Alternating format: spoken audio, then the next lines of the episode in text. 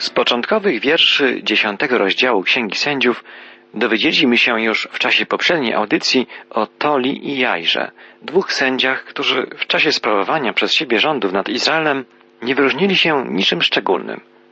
Lud izraelski nie zrobił żadnych postępów w walce z ludami pogańskimi zajmującymi ziemię Kanaanu, ziemię, którą zgodnie z Bożą obietnicą miał objąć Izrael w posiadanie w całości.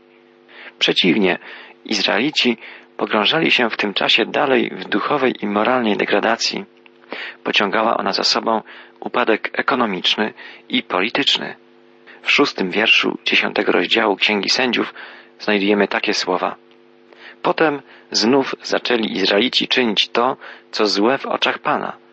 Służyli Baalom, Asztartom, jak również bogom Aramu, Sydonu i Moabu oraz bogom amonickim i filistyńskim – a opuścili Pana i nie służyli Mu.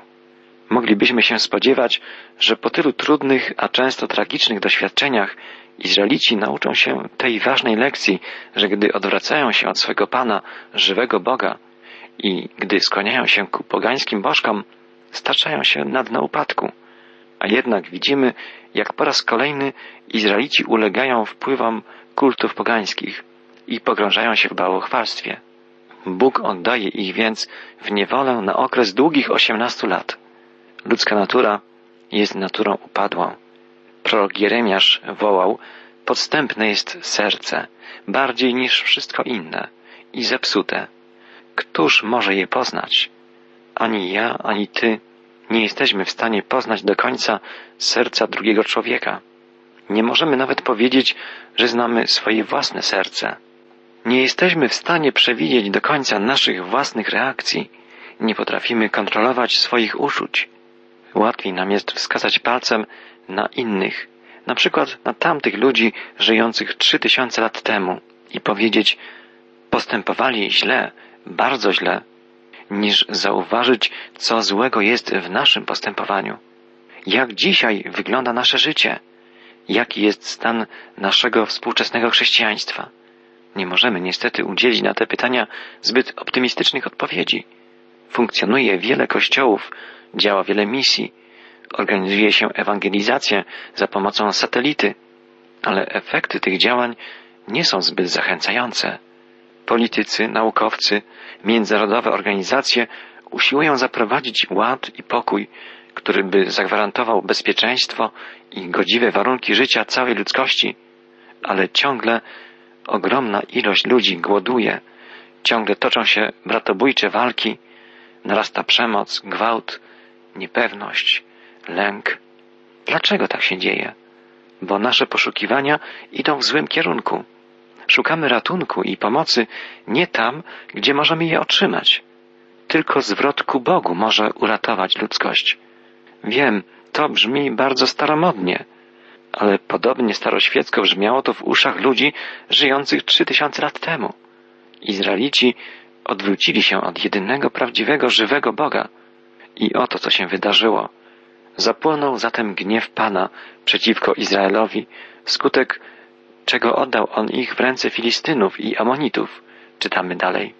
Trapili oni i uciskali Izraelitów, począwszy od tego roku przez osiemnaście lat – wszystkich Izraelitów, którzy mieszkali po tamtej stronie Jordanu w ziemi amoryckiej leżącej w Gileadzie. Bóg odsuwa tych, którzy odmawiają mu posłuszeństwa. Wielu ludzi jest przekonanych, że Bóg nigdy ich nie odsunie, bo należą do takiego czy innego kościoła albo takiej czy innej organizacji. Ale jeśli jesteśmy uparcie Bogu nieposłuszni, jeśli ciągle odwracamy się od Boga, jak tamci ludzie sprzed trzech tysięcy lat, Bóg odwróci swoje oblicze od nas. Bóg nie jest od nas zależny, to my jesteśmy zależni od Boga. Izraelici znaleźli się chyba w najgorszej sytuacji okresu sędziów. Wielki ucisk spadł na Izraelitów, czytamy w dziewiątym wierszu dziesiątego rozdziału Księgi Sędziów, a dziesiąty wiersz przynosi takie słowa.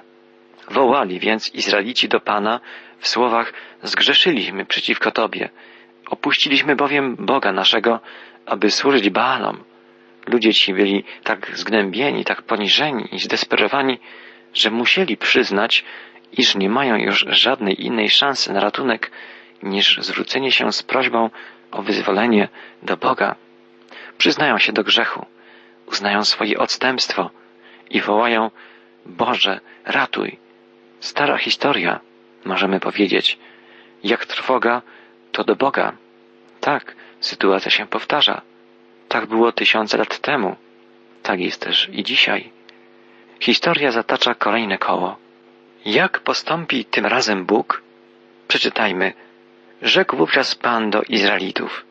Kiedy Egipcjanie, Amoryci, Amonici, Amalekici i Midianici uciskali was, a wyście wołali do mnie, czy nie wybawiłem was z ich ręki?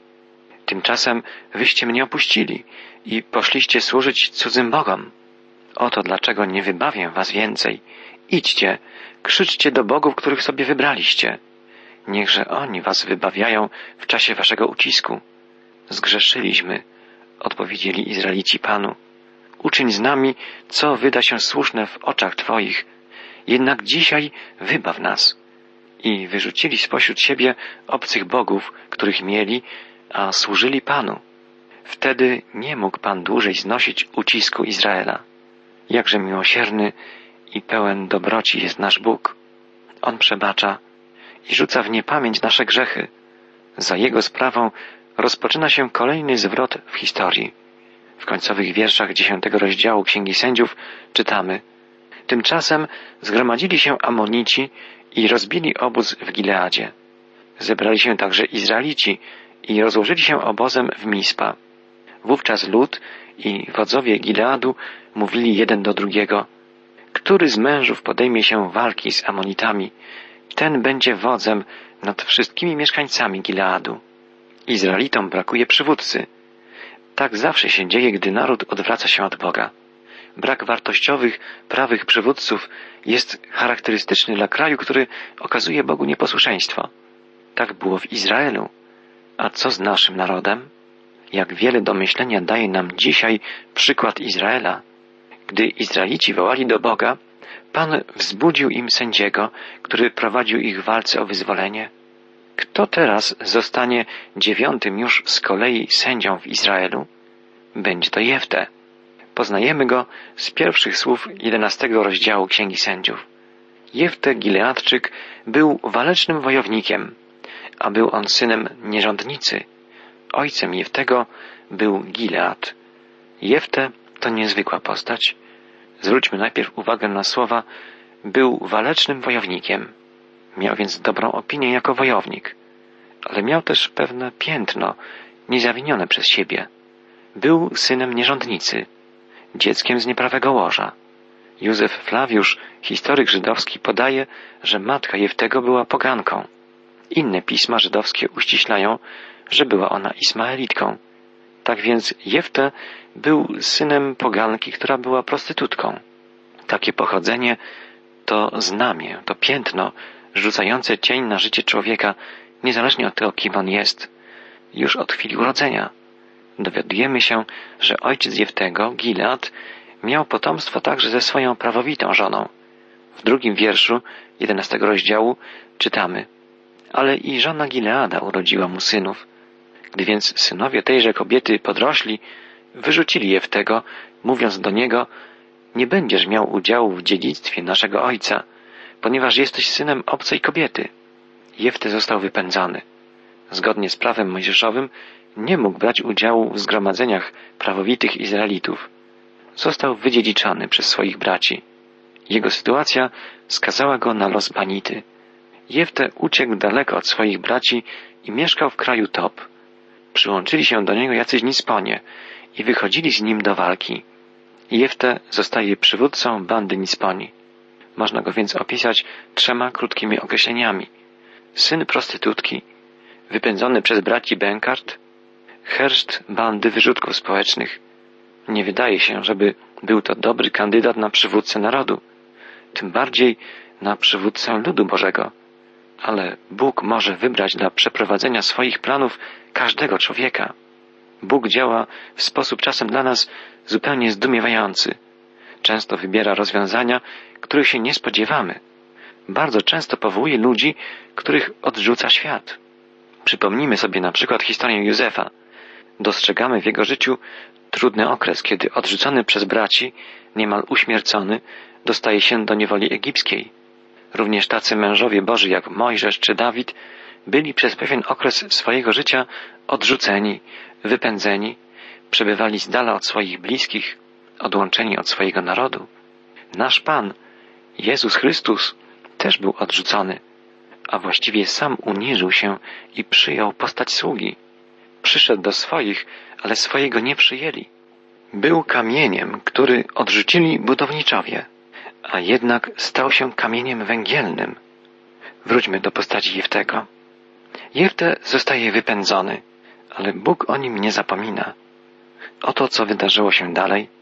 Niedługo potem Amonici wydali wojnę Izraelowi. Wówczas zgromadziła się starszyzna Gileadu i poszła szukać Jeftego w kraju Top. Przyjdź, rzekli do Jeftego, i bądź naszym wodzem. Będziemy walczyć przeciw Amonitom. Czyż nie wyście mnie znienawidzili? odpowiedział Jefte starszyźnie Gileadu i wyrzucili z domu mego ojca? Dlaczegoż to przyszliście do mnie teraz, kiedy popadliście w ucisk? Odparła Jeftemu starszyzna Gileadu. Właśnie dlatego teraz zwróciliśmy się do ciebie. Pójdź z nami. Ty pokonasz Amonitów i zostaniesz wodzem nad wszystkimi mieszkańcami Gileadu. Starszyzna Gileadu składa Jeftemu bardzo korzystną propozycję. Jefta zostanie przywódcą ludu po zwycięstwie nad Amonitami. Starsi Gileadu musieli przyrzec, że uczynią Jeftego wodzem, jeśli się okaże, że Pan wyda w jego ręce Amonitów. Dla starszyzny gileackiej było to z pewnością trochę upokarzające, że muszą zwracać się o pomoc do człowieka, którego niegdyś odrzucili. Jefte uczynił całkiem jasnym, że podejmie się walki tylko wtedy, jeśli w razie zwycięstwa zostanie obwołany niekwestionowanym władcą Gileadu. Starsi Gileadu musieli wyzbyć się dumy i przyjąć warunki Jeftego. W wierszu jedenastym czytamy Przyszedł więc Jefte ze starszyzną Gileadu. Lud ustanowił go zwierzchnikiem i wodzem swoim. Jefte powtórzył wszystkie swoje warunki w Mispa w obecności Pana. Teraz Jefte bierze sprawy w swoje ręce. W wierszu dwunastym czytamy Jefte wyprawił posłów do króla Amonitów, aby mu powiedzieć Co zaszło między nami, że przyszedłeś walczyć z moim krajem? Z moim krajem. Tak, ziemia, o której mówi tu Jefte, była przedmiotem konfliktu pomiędzy Izraelem a Moabitami i Amonitami od chwili zbliżenia się do niej Izraelitów w czasie podróży do ziemi obiecanej. Ziemia ta została zdobyta przez Izraelitów w sposób legalny. Jefte przypomina to królowi Amonitów, a ten oczywiście nie zgadza się z tą opinią. I tak rozpoczyna się wojna. Bóg obiecał Izraelowi, że otrzyma on na własność całą ziemię obiecaną ich praojcom, Abrahamowi, Izaakowi Jakubowi. Dlaczego więc po wkroczeniu do Kanaanu rozpoczęły się tak wielkie problemy i trudności? Dlaczego Izraelici musieli tak wiele walczyć i ponosili porażki? Przyczyną było ich nieposłuszeństwo względem Boga. Zamiast ufać Panu i postępować według Jego poleceń, lud izraelski odwrócił się od Boga. Zaczął chodzić własnymi drogami. Zwrócił się ku pogańskim bożkom, ulegając wpływom kultów ludów Kanaanu. I z tego powodu rozpoczęła się stopniowa degradacja duchowa i moralna, rozbicie jedności narodu, a ostatecznie upadek gospodarczy i polityczny.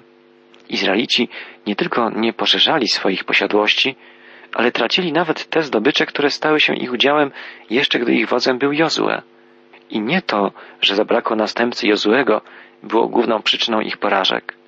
Bóg prowadził swój lud i pragnął mu przewodzić nadal. Właściwie od początku Bóg pragnął być bezpośrednim wodzem Izraela. Nie zamierzał powoływać dla swego ludu króla. Nie było to potrzebne. Dlaczego? Trudno sobie wyobrazić wspanialszą sytuację niż taką, gdy narodem kieruje sam żywy, wszechmocny Bóg. Izraelici nie mogli tego pojąć, mimo że Pan prowadził ich przez pustynię w słupie ognia i w obłoku, mimo że dokonywał na ich oczach tak wielu cudów. Izraelici chcieli mieć króla, tak jak inne narody. I w końcu Bóg polecił Samuelowi żeby namaścił na pierwszego króla Izraela Saula.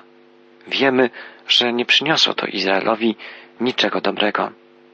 Ale zanim będziemy mówić o tych wydarzeniach, które są opisane w dalszych księgach Starego Testamentu, w księgach Samuela, wróćmy do wydarzeń okresu sędziów. Sędziowie byli przywódcami ludu izraelskiego w czasie od śmierci Jozuego do namaszczenia przez Samuela pierwszego króla Saula. Bóg powoływał sędziów, gdy lud izraelski, popatrzy w niewolę, wołał do Pana, żałując za grzechy, za swoje nieposłuszeństwo i odstępstwo. Bóg okazywał wtedy Izraelowi swoje miłosierdzie i powoływał dla niego sędziego, przywódcę, który prowadził lud w walce o wyzwolenie. Niestety, gdy sytuacja Izraela ulegała poprawie, lud znowu zapominał o Bogu i zbaczał z drogi pańskiej. Postępował samowolnie i historia rozpoczynała się od nowa. Jednak Bóg w swojej cierpliwości i łasce zawsze odpowiadał na wołanie Izraelitów, gdy tylko się upamiętali i gdy zwracali się ku Niemu z prośbą o ratunek. Czytając i rozważając treść pierwszych dziesięciu rozdziałów Księgi Sędziów, mogliśmy oglądać to działanie miłosiernego Boga wiele razy. Teraz mówimy o dziewiątym z kolei sędzim, którego Pan wzbudził Izraelowi. O Jeftę. Zobaczymy, jak potoczyła się dalej historia Jeftego i ludu izraelskiego w walce z uciskającymi ich Amonitami i Moabitami. Zauważmy tutaj jednak, że opisany w Księdze Sędziów bieg historii, zataczający jak gdyby koło, dotyczy nie tylko narodu izraelskiego, ale także innych, w tym i współczesnych ludów i narodów. Naród, który żyje z dala od Boga, który postępuje niezgodnie z Bożym Słowem, ulega duchowej i moralnej degradacji. Wcześniej czy później kończy się ona upadkiem ekonomicznym i politycznym. Naród, który zwraca się ku Bogu, który woła do Niego, uświadamiając sobie swój upadek, przeżywa duchowe odrodzenie, moralną odnowę i w efekcie następuje wzrost gospodarczy i społeczny. Tę prawidłowość możemy dostrzec w historii i w dniu dzisiejszym u wielu ludów, wśród wielu narodów, w wielu państwach. Ale wróćmy do postaci Jeftego. Jefte, jak pamiętamy, jest dzieckiem z nieprawego łoża, synem Izraelity i prostytutki, poganki. Został wypędzony przez swoich braci, prawowitych synów Gileada i stał się przywódcą bandy Nisponi. Bóg jednak tak pokierował wypadkami, że tego właśnie człowieka ustanowiono sędzią Izraela. Bóg poddał je w tego procesowi przemian i z odtrąconego, wzgardzonego wyrzutka uczynił go walecznym i mądrym wodzem narodu. Jefte wysyła do króla Amonitów, jak czytamy w drugiej części jedenastego rozdziału Księgi Sędziów, posłańców i poleca im przypomnieć królowi, że Izrael wszedł w posiadanie ziemi Gileadu w sposób legalny. Jefte przypomniał, że gdy Izrael zbliżał się do tej ziemi, której zwrotu zażądał teraz król Amonitów, Izrael zatrzymał się w Kadesz i prosił o zezwolenie na przejście przez tę ziemię. I przypomniał, że to Sichon, król Amorytów, rozpoczął walkę z Izraelem i że został pokonany w sprawiedliwej bitwie. Przede wszystkim to żywy Bóg, Pan Izraela, sprawił, że Izrael odniósł zwycięstwo i wziął w posiadanie tę ziemię. Teraz więc ty, zwrócił się do króla Amonitów Jefte, postępujesz podobnie jak kiedyś Sichon. To ty rozpoczynasz walkę. Król Amonitów zupełnie odrzucił argumenty Jeftego i rozpoczęła się wojna Izraela z Amonitami. O tej wojnie będziemy mówić w czasie następnej już audycji. A na zakończenie pomyślmy. Poznaliśmy Jeftego, człowieka według ludzkich miar absolutnie nie nadającego się na przywódcę Izraela. A jednak Bóg uczynił go sędzią i wodzem ludu izraelskiego. Widzimy, że Bóg już rozpoczął proces przemiany, proces odnowy życia Jeftego. I Duch Boży będzie go nadal przemieniał i prowadził. Jak bardzo pocieszająca, krzepiąca dla nas to lekcja. Nasza przeszłość, nasze pochodzenie, wszystko to, co za nami, nie przekreśla nas, cokolwiek by to nie było. Nic nie jest w stanie przekreślić nas w Bożych oczach. Bóg jest w stanie zawsze nas oczyścić, podnieść, przemienić, odnowić. Warunkiem jest nasze upamiętanie, szczery żal z powodu naszych grzechów, błędów i zwrócenie się ku Bogu z prośbą o przebaczenie, o pomoc. Czy z tego daru Bożej łaski już korzystamy?